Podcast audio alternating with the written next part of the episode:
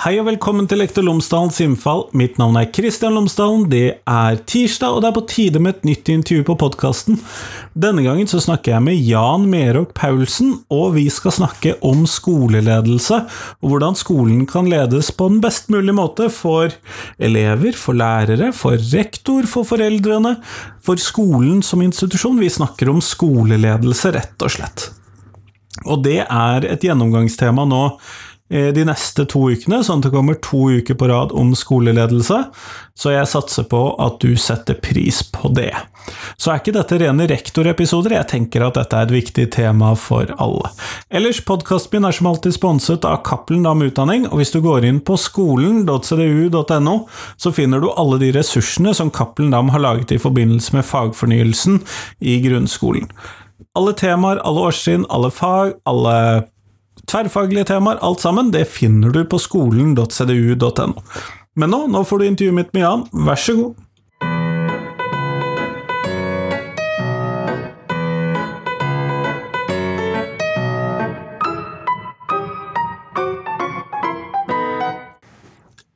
Jan Merok Paulsen, tusen takk for at du har tatt deg tid til meg i dag. Veldig hyggelig å være her. Før vi kommer helt i gang med samtalen, så hadde jeg håpet at du kunne fortelle lytterne mine tre ting om deg selv, sånn at de kan få bli litt bedre kjent med deg. Jeg tror jeg vil begynne med bakgrunnen min. da. Den er jo det som min bestemor, som var folkeskolelærerinne, som det het, ville kalt en broget bakgrunn. Jeg har vært lærer, og når jeg var lærer, så var jeg også fagforeningstillitsvalgt, lokalt, sentralt og fylkesvis. Jeg har også vært lokalpolitiker, og jeg har jobba som bedriftsleder i noe så uskolsk som bygg, eiendom, transportspedisjon. Eh, dro tilbake igjen til skolesystemet på 90-tallet, da som kommunal administrativ leder. Tok et hovedfag ved siden av jobb. Og eh, sånn sett studerte meg ut av jobben og inn i høyere utdanning. Der har jeg vært eh, siden. Så er jeg fotballsupporter. Jeg har da et norsk og engelsk og tysk lag. Fordelen med det, det er at det går aldri dårlig med alle tre i samme sesong. Nei, det er jo en fordel. Jeg hører det. Eh, så har jeg jo familie. Eh, gift med en spes pensjonert spesialpedagog de siste 35 år. Og vi har hver for oss tre gutter. Og disse såkalte guttene de er jo for lengst voksne menn med familie. Vi har åtte barnebarn. Minste går i barnehagen. Eldste studerer økonomi. Og det er, vel, det er vel Bergen man skal studere økonomi, er ikke det? Jo, jeg har hørt det. det er liksom stedet for den slags. Men eh, kjempeflott. Du, vi skulle jo prate om to forskjellige temaer her i dag.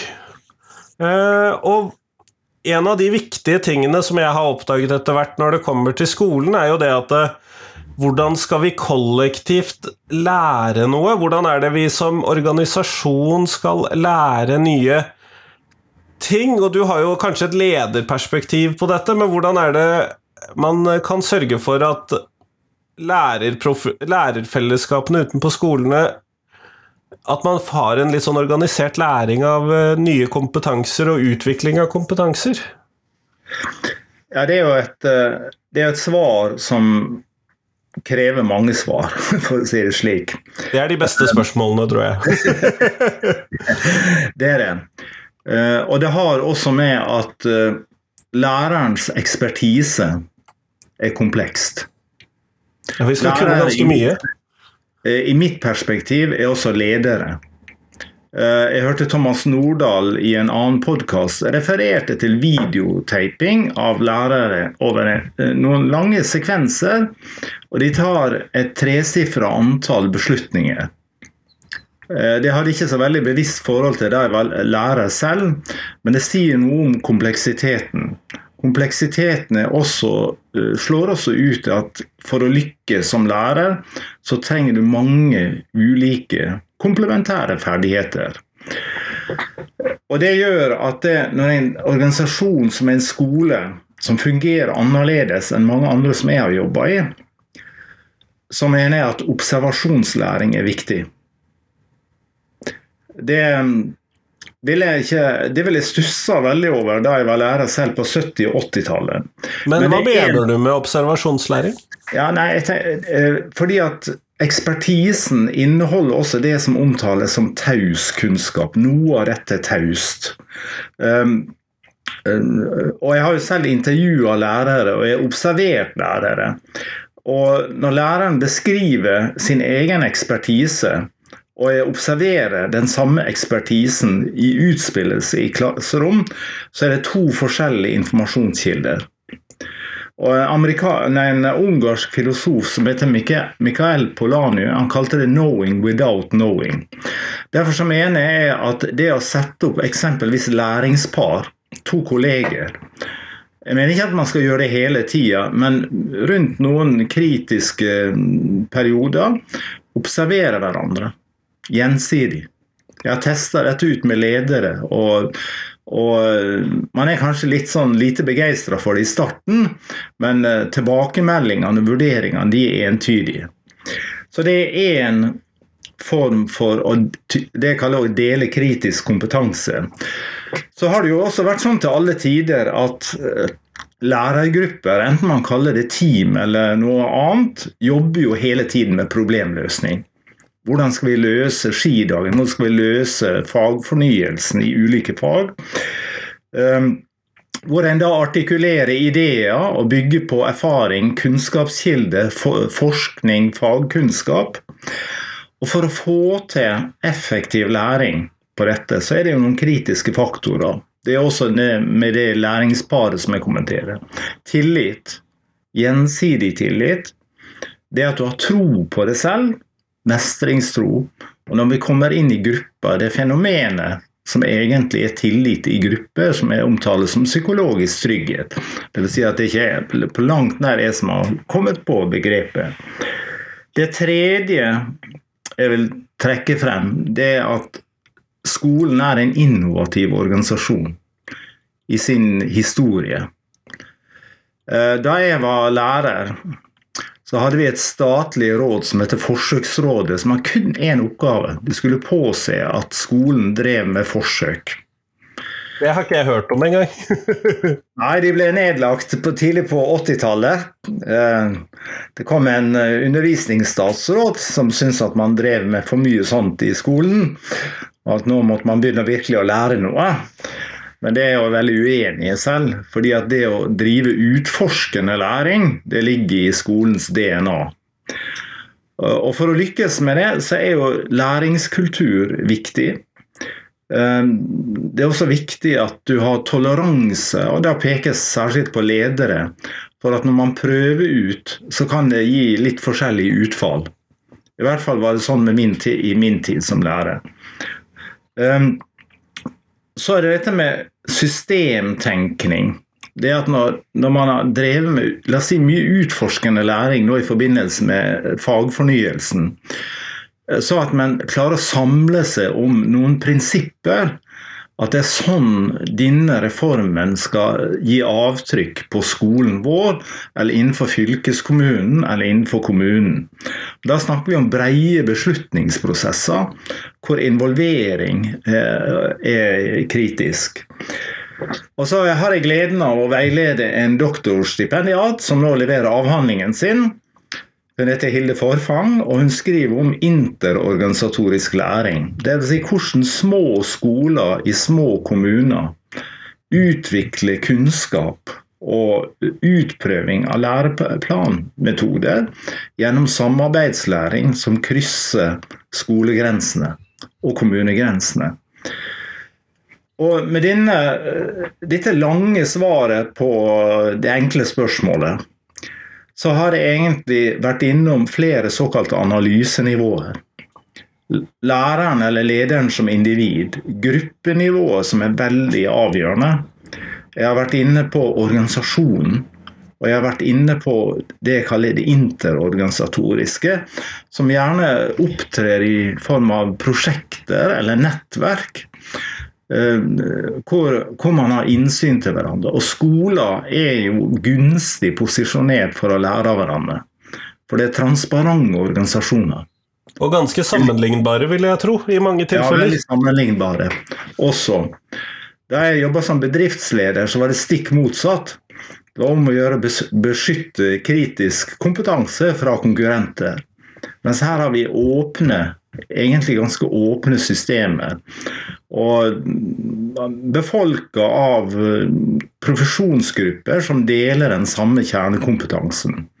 Og, deler den samme profesjonsetikken.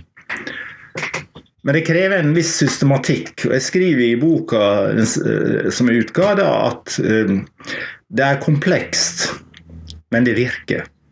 Vi ser det i empirisk forskning. at det, er også et strategisk prosjekt som også krever at ledere har litt is i magen. La ting få løpe ut distansene sine. Ikke melde på skolen sine i alt mellom himmel og jord av prosjekter. Og Der er jo vi som er, kommer fra konsulentbransje høyere utdannet, vi er jo egentlig noen slanger som vil inn i paradiset. Vi kommer stadig med dekomp-midler og prosjektmidler og sier at vi vil dere være med på dette utviklingsprosjektet. Og jeg pleier å si til skoleeier det er risikosport.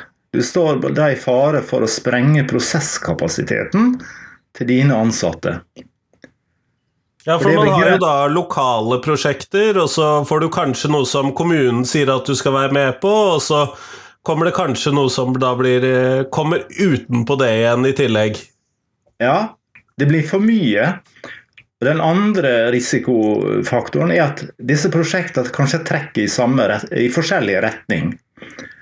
Så jeg har jo ofte bistått oss i å få rydde litt opp i dette, altså tone litt ned eh, enkelte ting. For det er ofte det er utfordringer som utspiller seg på, på gatenivået i skolen, for å si det sånn.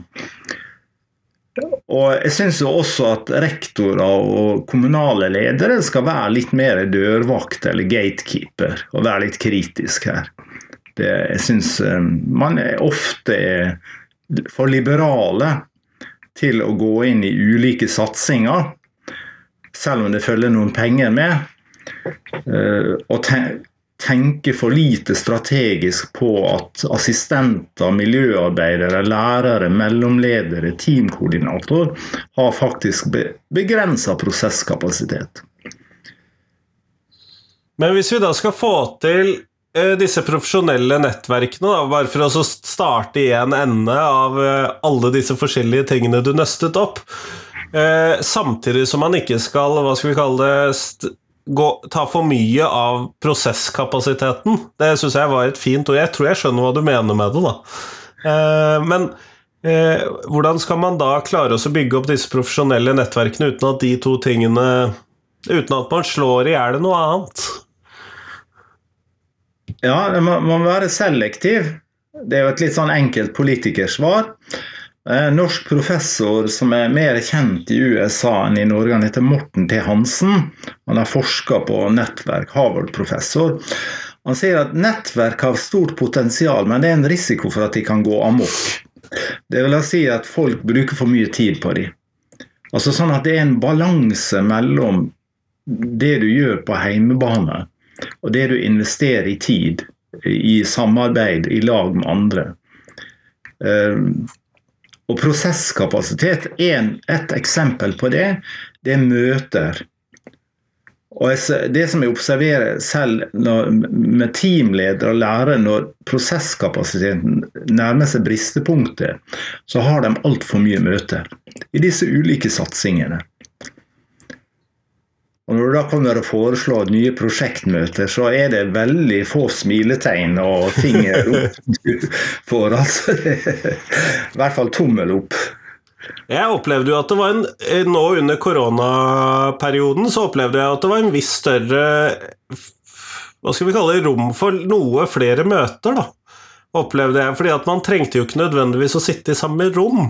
Det opplevde jeg jo så fint for møtedelen, men det er jo en digresjon. Det, det er ikke helt digresjon, fordi eh, jeg merker det også det samme selv.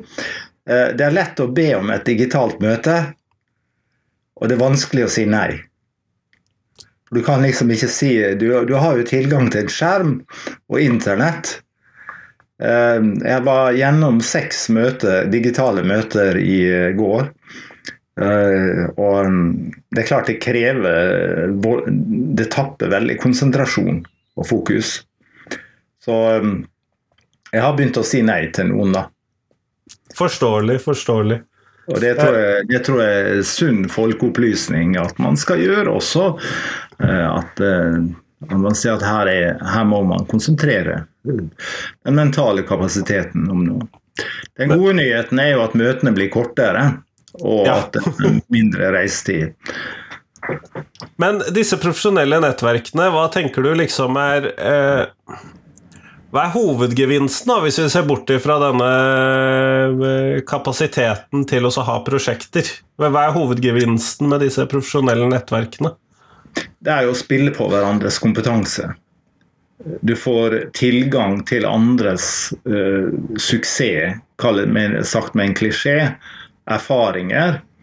Uh, du får flere samarbeidspartnere å jobbe med problemer med. Uh, det, det liksom, man får prøve flere arenaer. Det er liksom åpenbarende. sånn at tilfanget av kunnskap øker eksponentialt. Men det, man skal tilbake på hjemmebane og spille hjemmekamper også, og anvende dette. Sånn at det, det kreves en, en balanse. Nettopp, nettopp. Det er jo den balansen som kanskje da er stikkordet, da, eller vanskeligheten i det hele. Ja, det er, altså det er jo lett å snakke om balanse og vise på et hvitt lerret eller en powerpoint. Men når eh, det koker i en skole som ofte er hendelsesstyrt, man overser ofte det også, så er det, så er det krevende. Men det er veldig viktig å ha et fokus på det som leder. Fordi at le, Som le, formell leder så er du i en posisjon hvor du sier ja eller nei på vegne av andre.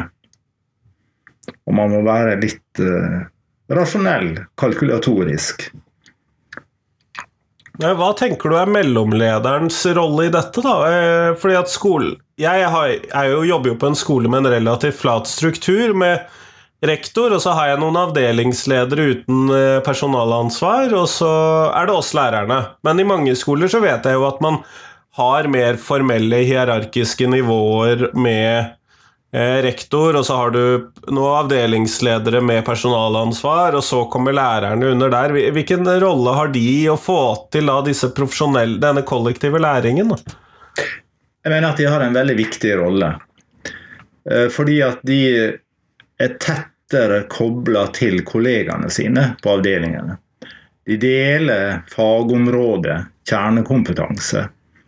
Eh, har samarbeida man kan ha mest sannsynlig tillit til hverandre, selv om man ikke går rundt og tenker på det i det daglige. Eh, sånn at eh, jeg har studert dette både innenfor yrkesopplæringa og studiespes og i grunnskolen, og mellomlederen står i en nøkkelposisjon. Eh, og det er jo, hvis vi tenker litt stort på det, så utgjør også den kategorien Det er jo en heterogen kategori det utgjør majoriteten av alle skolelederne. Og forskninga indikerer jo at det er en uh, rolle med stort potensial, men som ikke utnyttes godt nok. Og sammen med en kollega har vi en empirisk studie av norske mellomledere nå. Vi har en svar på av 709 lys levende norske mellomledere.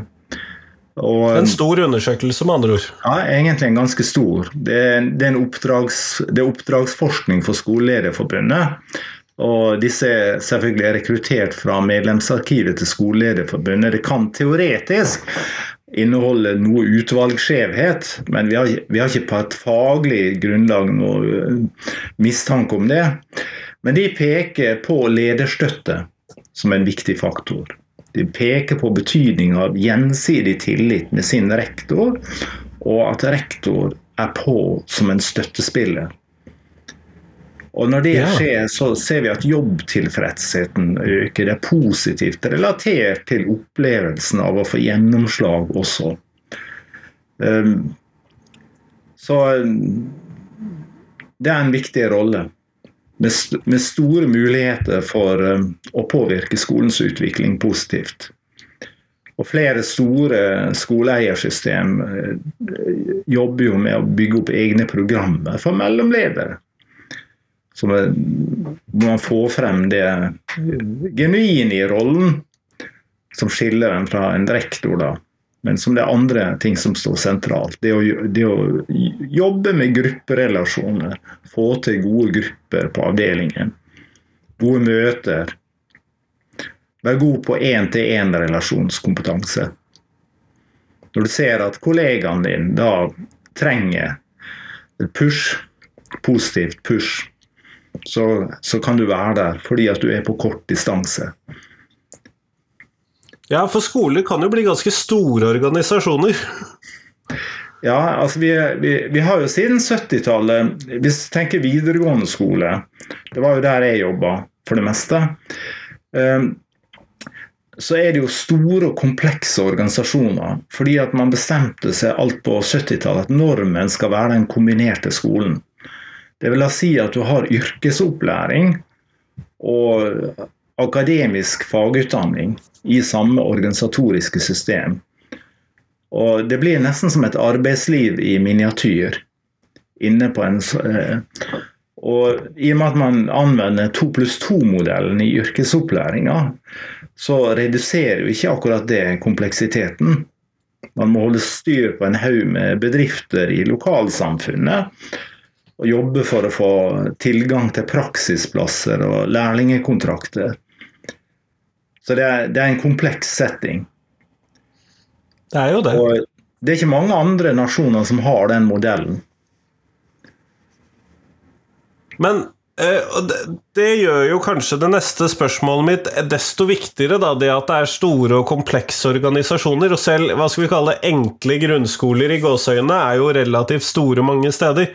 Men hvordan bygger man en kultur for læring, enten det er elevene som skal lære, eller det er at man skal bygge en kultur for at det skal foregå denne kollektive læringen, eller en kultur for at man binder dette sammen. Jeg er litt usikker på om jeg stiller forskjellige spørsmål eller sammenhengende spørsmål nå. Uh, for jeg opplever det litt uklart for min del selv. Ja, spørsmålene er gode, og de går inn, for, inn i samme tematikken. Um, når jeg presenterte disse seks ulike kategoriene av profesjonell kollektiv læring, eh, så nevnte jeg også i innskutte vendinger at dette er betinget av tillit. Det er gjennomgående. Sånn at det andre hovedtemaet, tillit, eh, er veldig sentralt. Kultur og tillit er veldig sentrale byggeklosser. Men det må være gode strukturer også. Og det er mye metodikk. Mye metodikk i dette også. Ehm, det, så gjennom, gjennom å eh, ha en god struktur på det og legge til rette for eh, eller å bruke en god metodikk, så legger man til rette for at det skal bli den kulturen og bli den tilliten, da, hvis jeg forstår deg riktig? Ja da. Det, det, struktur er Det går aldri av moten. Det gjør ikke det, altså det at eh, for, Ikke minst for elevene, det at de har forutsigbare rammer eh, å forholde seg til. Jeg foretar jo av og til litt krysseksaminasjon av barnebarna mine. Hva som skal skje eh, neste uke. Det hender jo at jeg får litt uklare svar. Men, men altså tillit som et vev, det stimulerer læring sterkt. Fordi at folk forteller da Har en sterkere tilbøyelighet til å fortelle ting sånn som det er. Og dele sine tanker og erfaringer og opplevelser og bekymringer. Uten risiko for sosiale sanksjoner. Det å bli, oppleve at man blir satt litt på plass og eh, nedvurdert. Så det er et sånt klima som i gruppe omtales som psykologisk trygghet, det går igjen som en veldig sterk driver for læringskulturen. Så utspilles jo dette i grupper. enten vi kaller de fagteam, fagseksjoner, eh, team, eh, støtteteam, hva som helst, så er jo gruppene veldig sentrale. Sånn at det å få til gruppedynamikk rundt møter og rundt uformelle, uformelt samarbeid, det, jo, det, ligger jo veldig mye sånn klassisk gruppedynamikk i også å få det til. Nettopp, nettopp. Men da, for da kan vi jo snakke om en tillitsbasert ledelse. Er det ikke det som dere ofte, du ofte bruker som en sånn eh, stikkord for dette? da? Fordi at, eh, men, og hvordan skal jeg som fersk fordi at Du snakker også om dette i de uformelle settingene osv. Men hvordan skal jeg som fersk avdelingsleder eller fersk rektor Har du noen sånne gode tips da, for hvordan jeg skal gå fram for å bygge denne tillitsbaserte ledelsen, eller å ikke havne i en ikke-tillitsbasert ledelsesfelle, hvis vi skal kalle det det? Hvis jeg starter med møtene, mm. så vil jeg si det at eh, du skal modellere at møtene er trygg sone og at gruppen er trygg sone. Og med trygg, da mener du i denne sammenhengen her, for det begrepene slenges ofte ut. Åpenhet. Åpenhet. Det bygger på tillit og respekt til at folk kan si det de mener. Og jeg snakker ikke om møteplageri og, den slags. Eh, jeg har jo observert en del av det også gjennom yrkesreisen. Det er en også like viktig ting at eh, lederen da, av et møte, av en gruppe, markerer hvor grensene går. Hva er det som er innenfor normene våre, og hva er det som er utenfor. Og hvis noen går på utsiden, at man håndterer det på en eh, fair måte.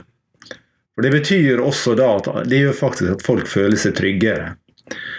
Um, nå ser jeg jo også det at uh, når jeg ber medlemmer av lærerteam, det har jeg stort sett gjort i grunnskolen, skå individuelt og anonymt. Det er som behandler disse tingene. De skårer møtene og gruppene sine på psykologisk trygghet og tillit, så får vi høye uh, svar. Det hender seg at jeg lurer på om de er helt ærlige og tar noen oppfølgende intervjuer, men jeg, blir, eh, jeg ramler ikke av stolen da, av det som jeg hører. Sånn at det er eh, Altså, norske team og ledergrupper de begynner på ingen måte på scratch på dette. Og Det er et område hvor vi ser at vi vi opererer egentlig innenfor en, en nasjonal kulturkontekst hvor tillit ligger der som et uh, historisk vev. Men hva du modellerer sjøl, det er at du tar din egen medisin.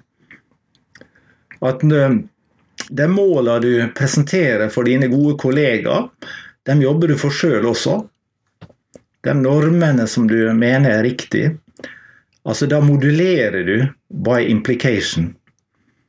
Du, du teach as you preach. Bokstavelig talt. Ja, det, det, det, er jo det, ofte det vanskelige, da. Altså etterleve ens egne gode intensjoner, eh, og så få det til i praksis. Det hjelper med et godt forsøk. Det, det, gjør jo det. det, det. det, er veldig mange gode Det er veldig mange gode skoleledere ute. Og, og som, som, som, gir jernet for å praktisere de moralske, etiske og faglige normene som en er omslutta av. Men det er komplekst. Det, det, skal en være åpen på. Det, men eh, det å få gruppene til å fungere, eh, avtale spilleregler hvordan skal vi ha det innen familien vår, dette som vi kaller et team? Eller et avdelingsmøte? Ja, men eh, altså Jeg skal være på seks-syv norske planleggingsdager i august. og vi, Denne tematikken eh, kommer mine oppdragsgivere, som er skoler, ofte. Hvordan skal vi utvikle gode teamnormer? Og jeg sier det, Vi skal lage en kontrakt sammen. Og Da er ikke papiret vesentlig, men det er jo det at man jobber seg frem til normer. Det er sånn vi skal jobbe. Dette, vi skal, uh, dette skal henge høyt når vi har møtene våre. Men dette høres ut som mye av de tingene som vi egentlig alltid hører at dette bør vi gjøre i klasserommet. Ja, det Det er det, altså. altså. Jeg skal si det litt sånn flåsete at eh, det som fungerer godt i et lærerteam, det fungerer godt i ei ledergruppe. Og det fungerer godt Det er mye som tyder på at det fungerer godt i en klasse. Og Da er det vel gjerne sånn at eleven, læreren og skolelederen de er til forveksling lik mennesker, alle sammen. Men ved, for å trekke det bort fra flåseriet, så har jeg hatt gleden av å analysere data fra Elevundersøkelsen. Riktignok i 2013. Vi, vi fikk tilgang til data fra videregående opplæring. Og det, viser, det, det har noen gode spørsmål som lader psykologisk trygghet. Og for elevene er dette like viktig. Og vi ser da at i de gruppene klassene der hvor elevene scorer eh, miljøet høyt på psykologisk trygghet. Det vil si at eh, jeg kan si det jeg vil uten risiko for å bli erta. Ja, så går også den indre motivasjonen for skolearbeid i været. Akkurat rundt disse tingene så er elevundersøkelsen svært gode måleindikatorer. Også på læringskultur i klassen vår så er skolearbeid viktig. Altså, sånn at Kultur og psykologisk klima det, det er viktig for elevene også. De er bare litt yngre. Ja, men sånn at uh, mye av dette da handler jo om det å eh, ha moderasjon på antallet samtidige prosjekter. Eh, hvis vi skal gå litt tilbake til den kollektive læringen. Ja. Og så hører jeg også at det handler om tillit, men også om å skape trygge rom og klare rammer. Ja. Det høres ut som dette henger veldig sammen, da. Det henger sammen, ja. Det gjør det. Det er jo litt interessant. Også, fordi at jeg hører jo veldig mye forskjellig om hvordan ulike skoler drives, og her hos oss gjør vi det sånn, og der gjør man det sånn. og Noen steder så funker den rektoren, og andre steder så funker den ikke, og mye forskjellig. Og så hører jeg jo at mye av det du snakker om, er jo dette, Sånn blir vi bedt om å gjøre det i klasserommene også. Eh, og at dette burde vi jo også klare ute i skolene. Vi burde det, i hvert fall. Ja. Um, altså, dette Du har rett i det. Og dette vet du bedre enn meg. Du står tettere på. Men uh, jeg tror også med fordel at man kunne designa mer øvingsarenaer. Ja. Hvordan da? Eh, altså det, modellering er jo blitt Mange snakker om modellering. Og da jeg var doktorstudent i langt fremskreden alder, så jeg i et team sammen med tre yngre doktorander. Og vi modellerte for hverandre for, da vi skulle opp til disputasjon. Altså vi, ja. vi testa ut Eh, så på komitéinnstillingen hvor kommer disse spørsmålene hen? Og så øvde vi oss på hverandre. Vi øvde oss også på hverandre når vi skulle ha disse første engelske presentasjonene. Og visste at vi nå skal vi inn i et forum med en ulveflokk av gamle professorer. Ja, de kan være ganske skumle. Uh, ja, det, man venner seg til det også. De aller fleste er veldig hyggelige. Så Eh, og det er en eh, kollega på Universitetet i Oslo, Eli Tronsmo, som er tilknyttet FIX-senteret, eh, som sier at profesjonsfellesskapet det kan sammenlignes med backstage innenfor skuespillerkunsten. Mens klasserommet er frontstage. Altså sånn at Mye av det jobbet, i profesjonsfellesskapet, så, så utvikler vi kunnskapen backstage. Hun tok også opp eksempler dette, argumenterte da i et webinar som, eh, nå, som gikk av staben nå i mai, for at advokater de gjør dette. De sitter da og prøver ut en prosedyre på hverandre før en av de skal i retten. Så det er, det er ikke sånn happy go lucky, altså. Man trener og øver. Og jeg mener at for ledere så er dette viktig. At man kanskje også bruker ledergruppene sine. Ikke hele tida, det er vi ikke, men kanskje vi modellerer for hverandre.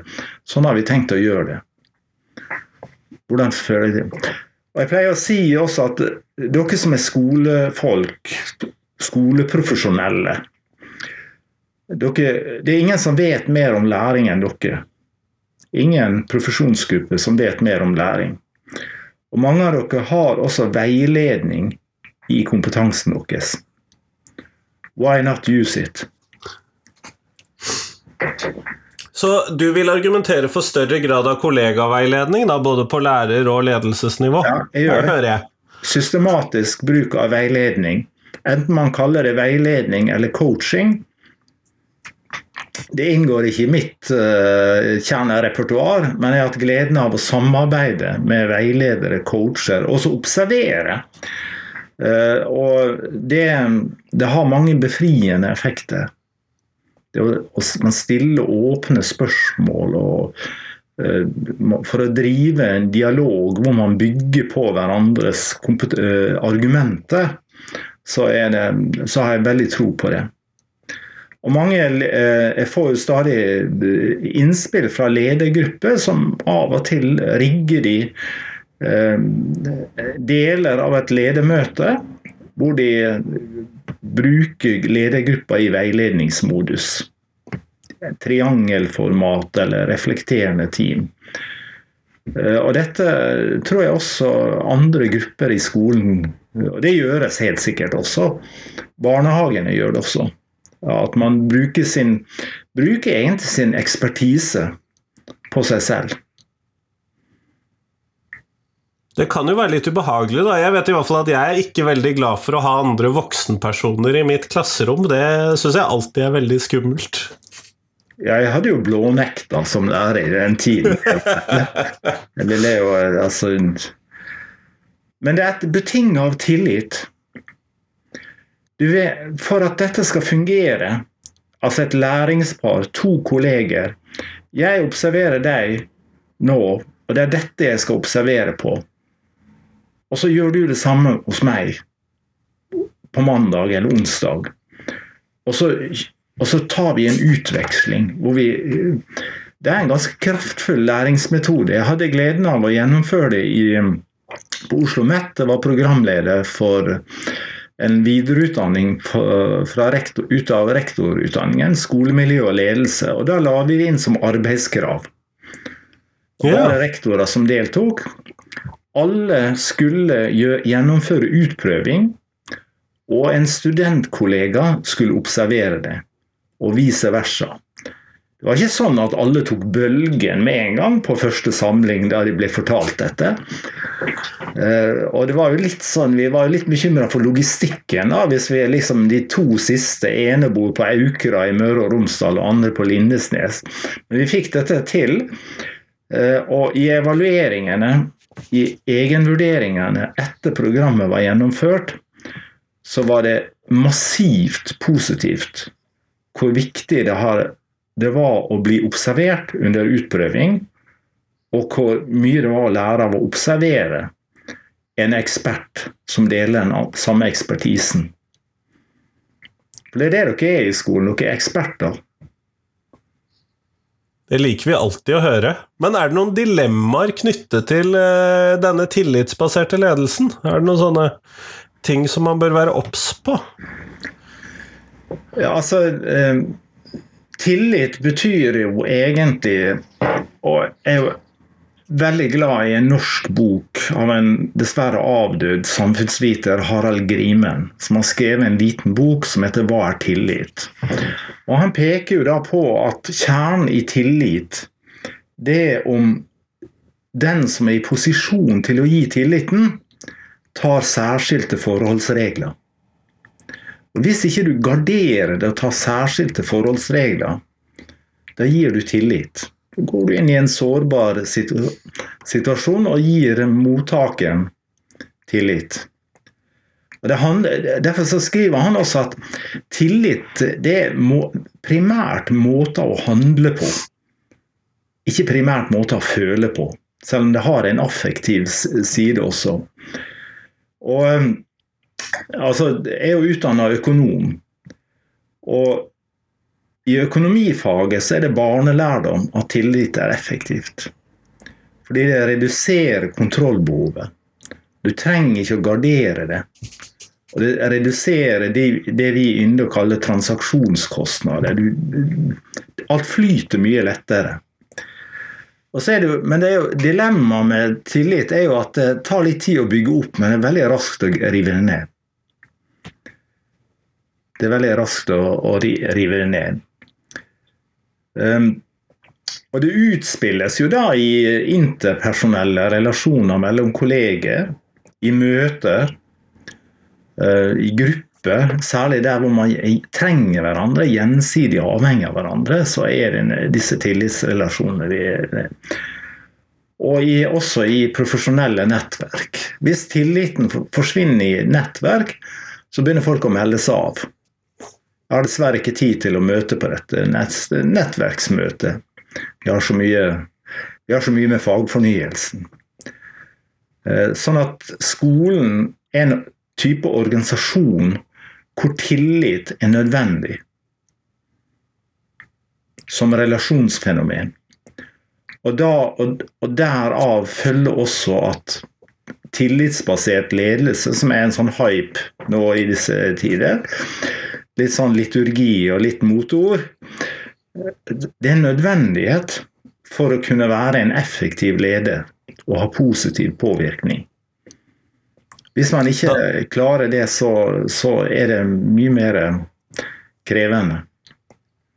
Eh, som lærer så tror jeg jeg har lyst til å avslutte der, eh, for det syns jeg var gode ord å runde av på. Men hvis vi Eh, da skal ta det siste spørsmålet mitt, Jan. Eh, hva er de tre viktigste tingene som skolen lærer elevene? Ja, spørsmålet det blir jo ikke noe mindre utover denne samtalen her. jeg, vil, eh, jeg vil påpeke, altså sånn som i dag litt mer fjern fra skolens indre liv, men jeg vil, jeg vil starte med selvregulert læring. I vid forstand. Det er jo for så vidt også teorien under dybdelæring og fagfornyelse. Det, har, det inneholder det med metalæring og lære å lære. Det ligger også noe positiv psykologi i dette. Tro på egen mestring og eh, persistens og motstandsdyktighet. Det å kunne tenke i læringsstrategier. Det ligger det, eh, under disse paraplybegrepet selvregulert læring. Eh, det lærte jeg noe om, om det i min egen tid som elev, og det er kanskje det jeg tok med meg videre. Så er jeg jo en old school-mann, og jeg mener at fag er viktige. Kanskje i tider hvor uh, man har litt sånn avgudsdyrkelse av prosjektformen, så er det grunn til å påminne at det er fag vi holder på med avdøde Erling Lars Dale, professor i pedagogikk, pleide ofte å understreke det. For fagene det er akkumulert viten over århundrer og årtusener. Og det, i fagene ligger også lag på lag av kultur. Jeg bruker fag i vid forstand. Også innenfor yrkesspesialisering, hvor vi kan følge prinsippene langt ned i middelalderen inn i laugsvesenet, bl.a. Forholdet mellom mester og lærling. Eh, og for det tredje så er det samarbeidskompetanse. Alle, i, I alle bransjer, alle typer yrker, så påpekes det viktigheten av samarbeidskompetanse. Og de som kommer inn, skulle gjerne hatt med seg noe mer av bagasjen. Og av den bagasjen. Og en kar som heter Edgar Schein. Det var han som lanserte begrepet organisasjonskultur i 1965. Han utga en ny bok i 2018 som heter 'Humble Leadership', ydmykt lederskap. Og Den påpeker hvor viktig det er med samarbeidskompetanse. Han sier at, at organisasjoner i dag det er ikke bare flerkulturelle i nasjonal forstand. Men de samarbeider på tvers, og de, de er også flerkulturelle. ved at folk kommer inn fra å ha med seg elementer av ulike organisasjonskulturer. Og Derfor så må du opptre emosjonelt intelligent. Eh, du må ha lyttekompetanse, bl.a., og, eh, og en masse sosiale ferdigheter og innsikt i dette. De, de tre tinga har jeg veldig tro på. Eh, viktig. Kjempeflott. Tusen takk for at du tok deg tid til meg i dag, Jan. Tusen takk for eh, at jeg fikk være her innen samtalen.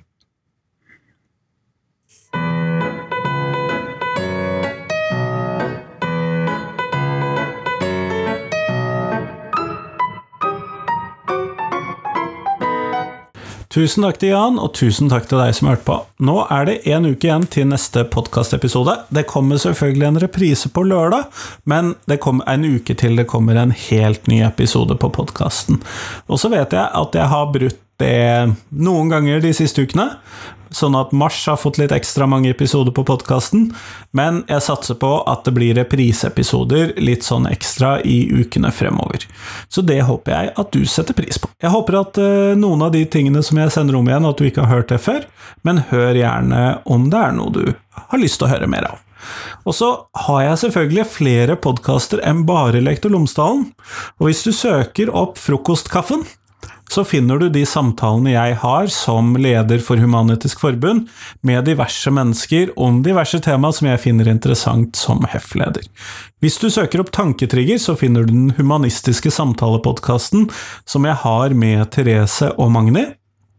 Vi diskuterer ulike livssynsspørsmål og prøver å skape, vekke tanken, skape tanken. Eh, det er på Tanketrigger. Og hvis du søker opp PED6pod, så finner du den eh, sexologiske, sexologiske pedagogiske podkasten som jeg har sammen med Marita og Hanne. Så den finner du på PED6pod. Alle disse har egne domener, men du finner de selvfølgelig i Spotify også. Så jeg blir i hvert fall veldig glad hvis du titter innom de. Men nå, nå får du ha en fin uke. Hei, hei!